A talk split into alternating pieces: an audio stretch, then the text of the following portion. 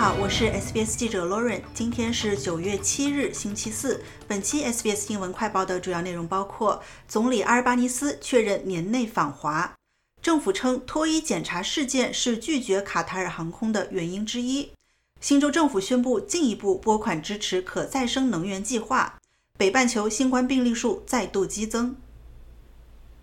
虽然中国国家主席习近平没有出席今年的峰会季活动，但澳大利亚总理却在雅加达东亚峰会期间与中国总理李强举行了会晤。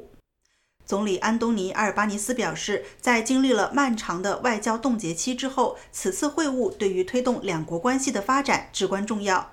会谈之后，李强表示欢迎阿尔巴尼斯在今年内访问北京，看起来阿尔巴尼斯很可能会接受这一邀请。他在会谈后表示：“我期待着在今年晚些时候访问中国，以纪念前总理惠特拉姆历史性访华的五十周年。”去年在印尼度假胜地巴厘岛举行的二十国集团峰会上，阿尔巴尼斯与习近平打破了僵局，进行会面。此后，他一直在考虑是否接受邀请访问北京。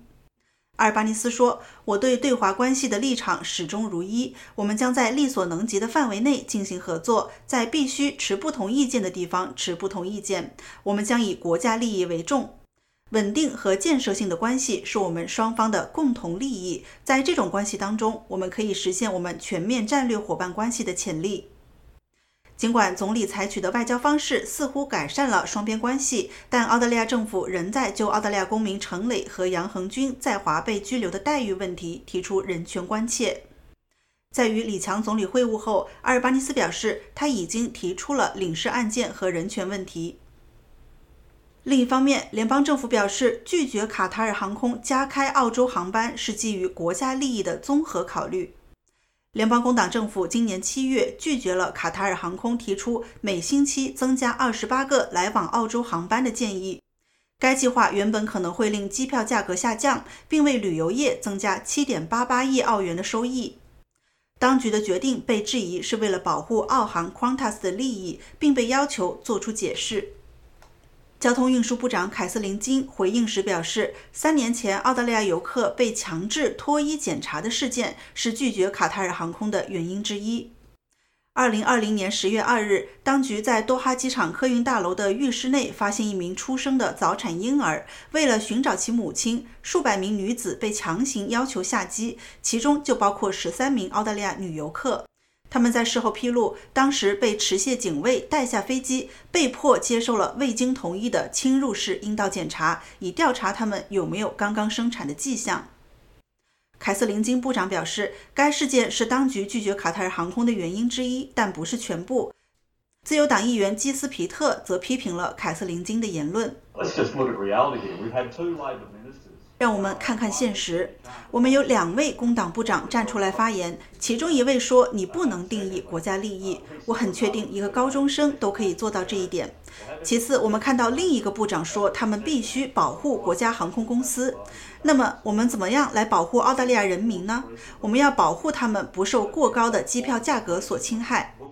最近媒体报道称，澳航预定了幽灵航班，也就是永远不会起飞的飞机。我认为这是可耻的。另一方面，新州政府宣布了其可再生能源计划下一阶段的资金投入总额达到了十八亿澳元。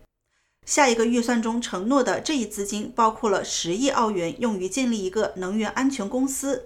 该公司将致力于可再生能源项目，如社区电池和储能设施。该公司还将解决可再生能源市场中的不足问题，提高电力网络的可靠性。新州州长柯明斯表示，这一资金将促进就业，并支持实现碳减排目标。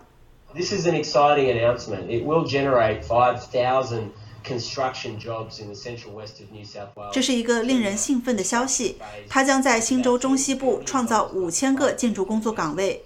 在施工阶段，将有大约一百亿澳元的私营部门投资流入新州偏远地区，这将对这些市镇产生重大的影响。